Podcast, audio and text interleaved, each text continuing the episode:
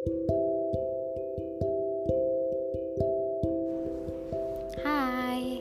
ketemu lagi dengan aku Dita Juta Guru BK kalian semua. Ya, jadi aku hari ini kayak tumben banget sih Lagi mood banget buat ngerekam podcast. Karena di hari ini beda seperti dari biasanya. Jadi aku tuh punya kayak apa ya grup komunitas gitu isinya perempuan-perempuan gitu biasanya sih kita ngobrolin skincare, makeup gitu kan, fashion dan lain sebagainya ya. Female things.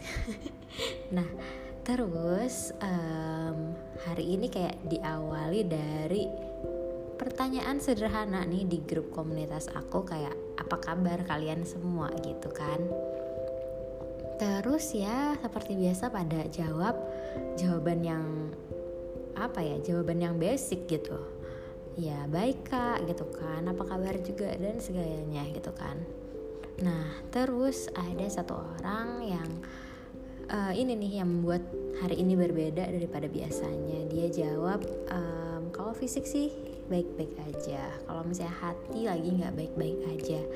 Nah di situ karena aku apa ya sebagai guru BK di sini terus kayak aku merasa terpancing gitu loh apa namanya ketika ada anggota yang nggak baik-baik aja hatinya ya aku merasa terpanggil dong gitu kan untuk menanyakan kenapa gitu kan? Kalau misalnya ada yang perlu kita bantu di sini share aja gitu kan.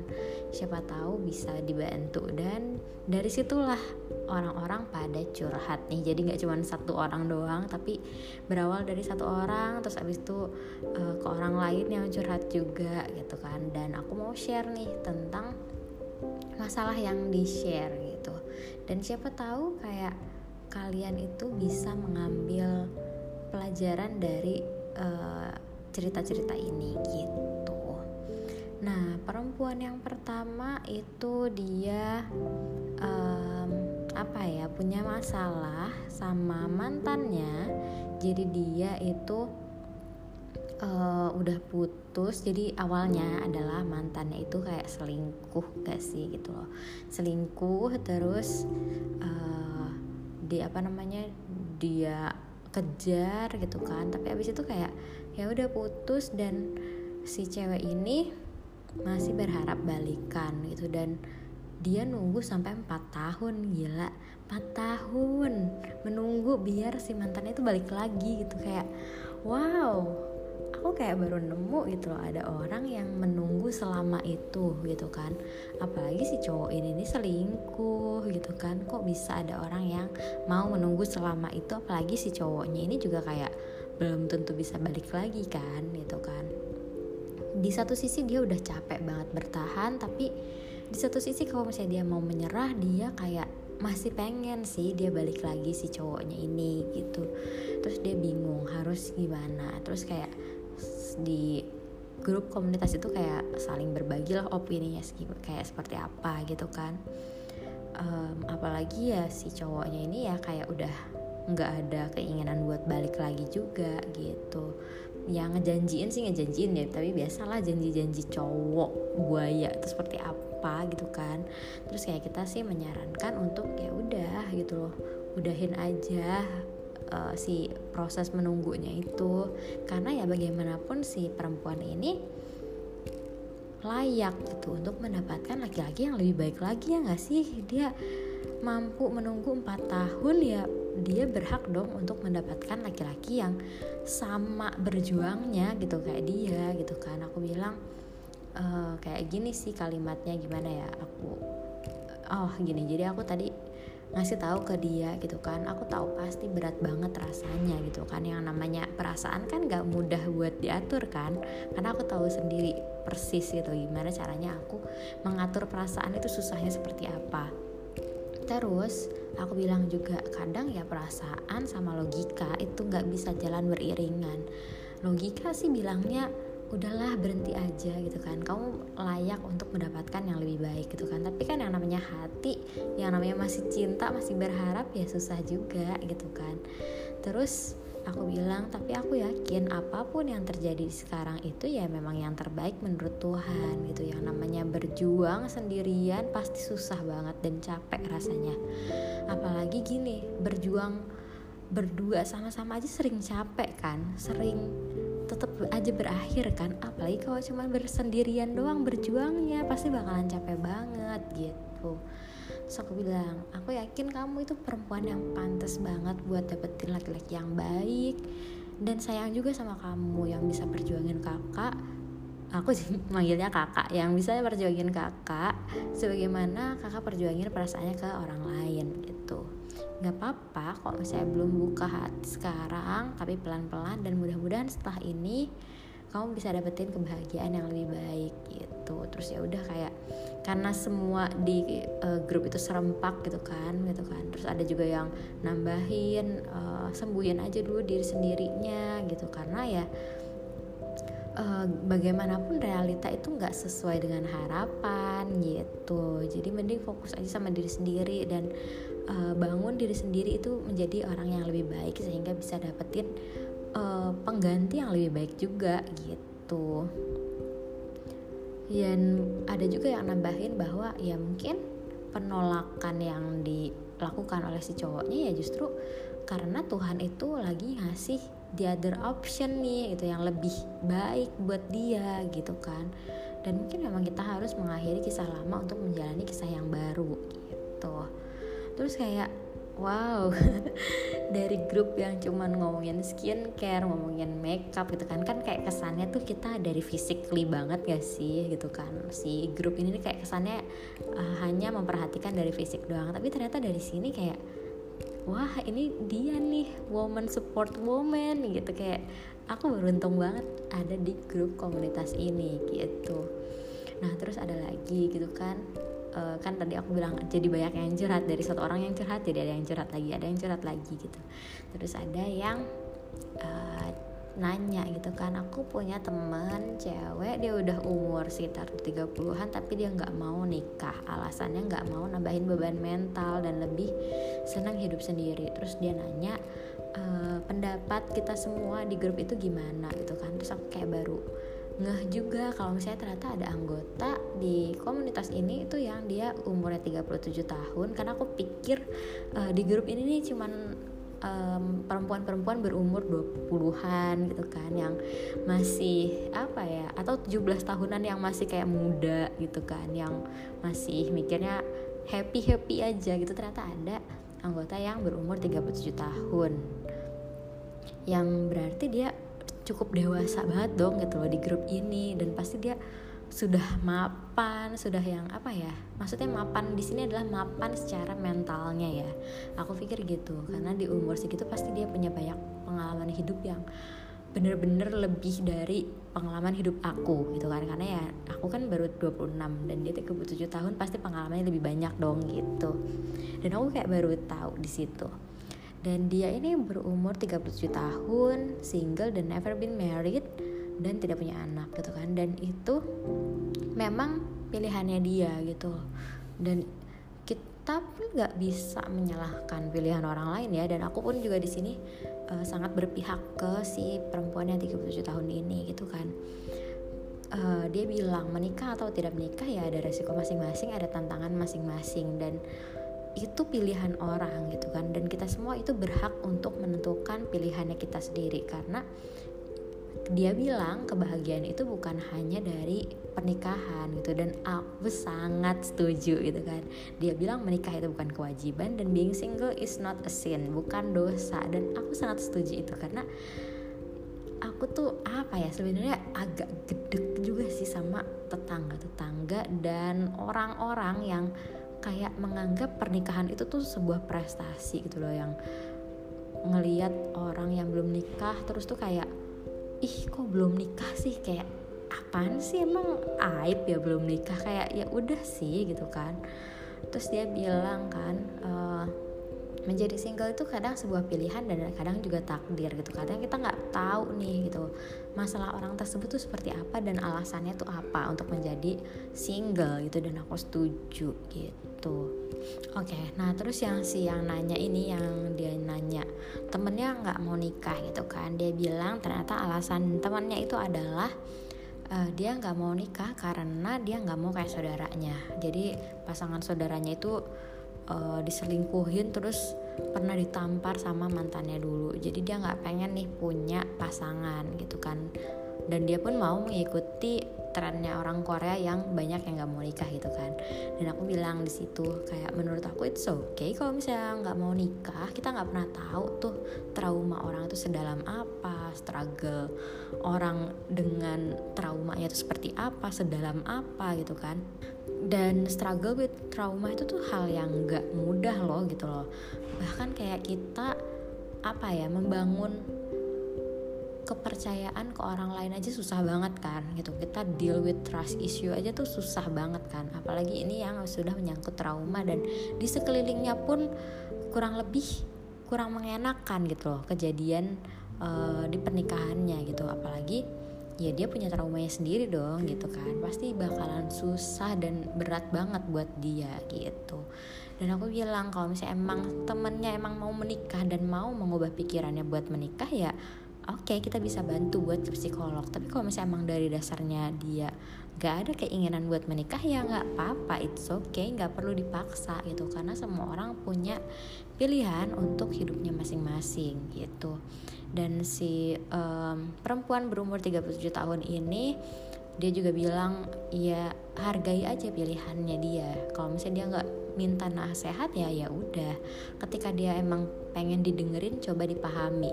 Karena ya itu rasa trauma itu atau ketakutan di bawah sadarnya itu sangat dalam. Bisa dihealing tapi pasti prosesnya nggak sebentar gitu kan. Kalau misalnya ada kemauan atau peristiwa yang mungkin mampu mengubah jalan hidupnya ya itu bagus. Tapi kalau selama dia baik-baik aja dan bahagia dengan pilihan dia dan hidup dia ya bagus dong. Itu menakjubkan dong gitu kan. Itu bisa jadi tujuan hidup dia yang sudah jelas dan terarah gitu itu aja dari dua cerita itu aja kayak aku wow gitu kan. Perempuan-perempuan ini sangat hebat sekali di grup ini gitu. Kayak keren banget aku sangat apa ya salut banget sih sama perempuan-perempuan yang tangguh gitu. Nah terus yang terakhir jadi ada tiga orang curhat di grup ini. Atau setidaknya yang aku bahas adalah tiga tiga cerita aja. Um, jadi yang terakhir ini adalah gabungan dari cerita-cerita tadi.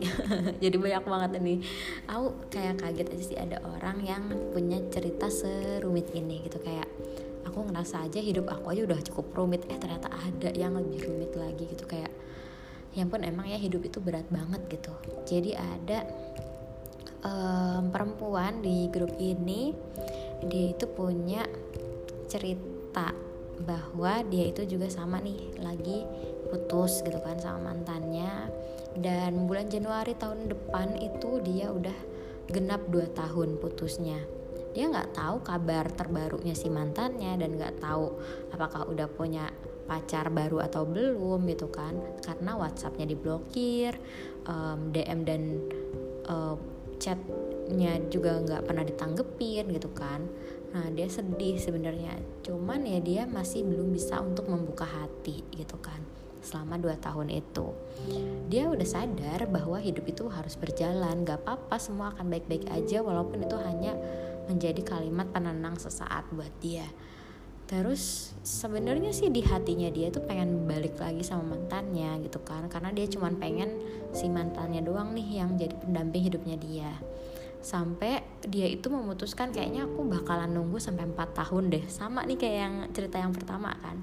Kalau misalnya 4 tahun si mantannya itu nggak balik lagi ya berarti dia harus move on gitu kan.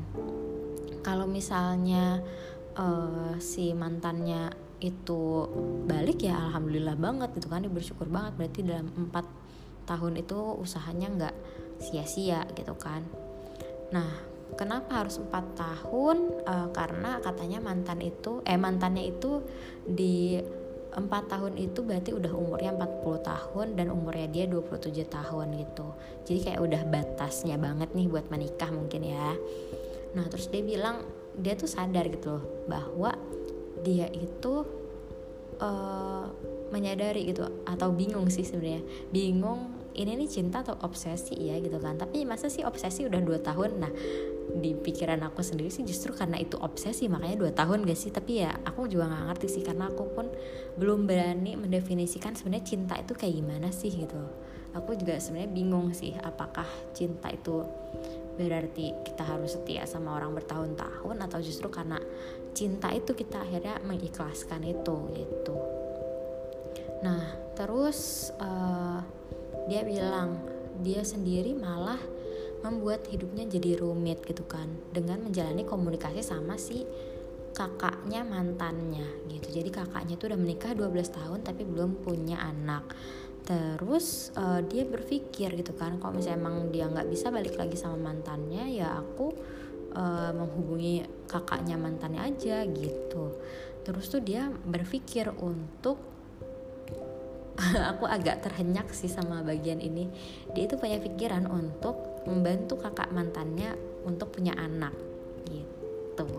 Jadi ketika anaknya lahir ya udah dia meninggalkan anak itu di keluarga mereka. Aku nggak ngerti sih sebenarnya kenapa si perempuan ini punya pikiran seperti itu. Cuman ya mungkin yang namanya cinta perasaan itu bikin logika nggak beraturan ya mungkin seperti itu. Terus ya dia sadar sih perjalanan dia hidup dia aja tuh udah pusing banget gitu kan. Tapi dia malah memperumit hidupnya lagi gitu. Dan uh, ternyata mantannya tuh udah tahu niatnya si perempuan ini gitu. Jadi dia malah takut nih buat deketin si mantannya lagi dan nanyain kabarnya mantannya lagi. Nah ternyata dalam waktu dekat ini dia bakalan ketemu sama mantannya dan dia bakal mastiin hatinya lagi apakah ini bener-bener cinta atau hanya sekedar obsesi itu dan setelah itu dia bakalan hapus kontak dan semua foto-fotonya. Dan ya itu dia bilang kalau misalnya emang takdirnya mempersatukan lagi ya dia sangat bersyukur. Tapi kalau misalnya enggak ya udah aku dapat pengalaman. Terus akhirnya di belakangan ini gitu dia berpikir untuk men, enggak menikah malah. Jadi dia uh, berpikir untuk nggak menikah sama siapa pun dan dia udah minta izin ke ibunya. Nah ini kayak kisah yang kedua gitu. Jadi dia kombinasi antara kisah pertama dan kisah kedua. Dia uh, mau menunggu empat tahun mantannya biar balik lagi, tapi dia juga berkeinginan untuk nggak menikah sama sekali kalau misalnya nggak dia nggak balik lagi sama mantannya gitu. Terus ya udah deh gitu kan. Um, anggota kelompok lain, anggota kelompok, anggota komunitas lain akhirnya uh, menyimpulkan gitu kan dari kisah yang barusan ini ada hikmah yang bisa diambil yaitu jangan lari dari masalah, terus jangan membuang waktu untuk orang yang nggak peduli ini sama kita gitu kan. Terus jangan jangan menambah kerumitan hidup karena ya hidup itu udah rumit banget gitu terus fokus sama diri sendiri untuk memiliki hidup yang lebih baik dan kalau bisa sih jangan berusaha jadi pahlawan untuk orang lain karena bisa jadi usahanya kita tuh justru malah memperumit hidupnya kita gitu. Apalagi hal yang kayak gini kan hal yang kayak tadi yang diceritain gitu kan itu kan resikonya panjang banget ya banyak banget itu loh resikonya. Nggak cuman dia ada masalah baru lagi sama mantan ya tapi kan pasti ada masalah-masalah lain dong gitu yang muncul gitu kan dari keinginan dia waktu itu terus jangan menjadi korban dan menambah orang lain sebagai korban juga gitu. Karena ya jangan mau deh jadi untuk menyinari hidup orang lain tapi kita sendiri yang hancur gitu. Karena kita bisa memilih untuk apa ya membahagiakan diri sendiri dulu itu baru kita membahagiakan orang lain gitu. Itu sih dari kisah di hari ini di grup perempuan-perempuan ini. Dan aku yakin mungkin apa pun masalah hidupnya kalian aku yakin suatu hari nanti kalian akan menemukan bahagianya kalian sendiri. Gitu. Karena kalau prinsip hidupnya aku sih jangan letakkan kebahagiaan kita di orang lain gitu atau di hal lain. Karena ya ketika orang lain atau hal lain itu pergi atau hilang ya kebahagiaan kita jadi ikut pergi juga gitu. Ya letakkan kebahagiaan ya di diri kita sendiri gitu. Kita yang buat sendiri nggak perlu nunggu orang lain untuk membuat kita bahagia gitu. Dan yang namanya hidup nggak mungkin melulu bahagia terus gitu kan. Pasti ada kecewa marah sedih dan lain sebagainya. Tapi semoga dengan semua perasaan-perasaan itu perasaan-perasaan yang kita anggap negatif itu hidup kita jadi lebih berwarna dan ketika bahagia datang rasanya jadi lebih istimewa. Gitu. Itu aja sih dari aku hari ini. Jadi aku lebih ke apa ya share tentang grup pra, grup perempuan hari ini. Dan semoga dari share aku hari ini kalian bisa mendapatkan hal-hal yang mungkin kalian cari selama ini gitu oke okay? thank you see you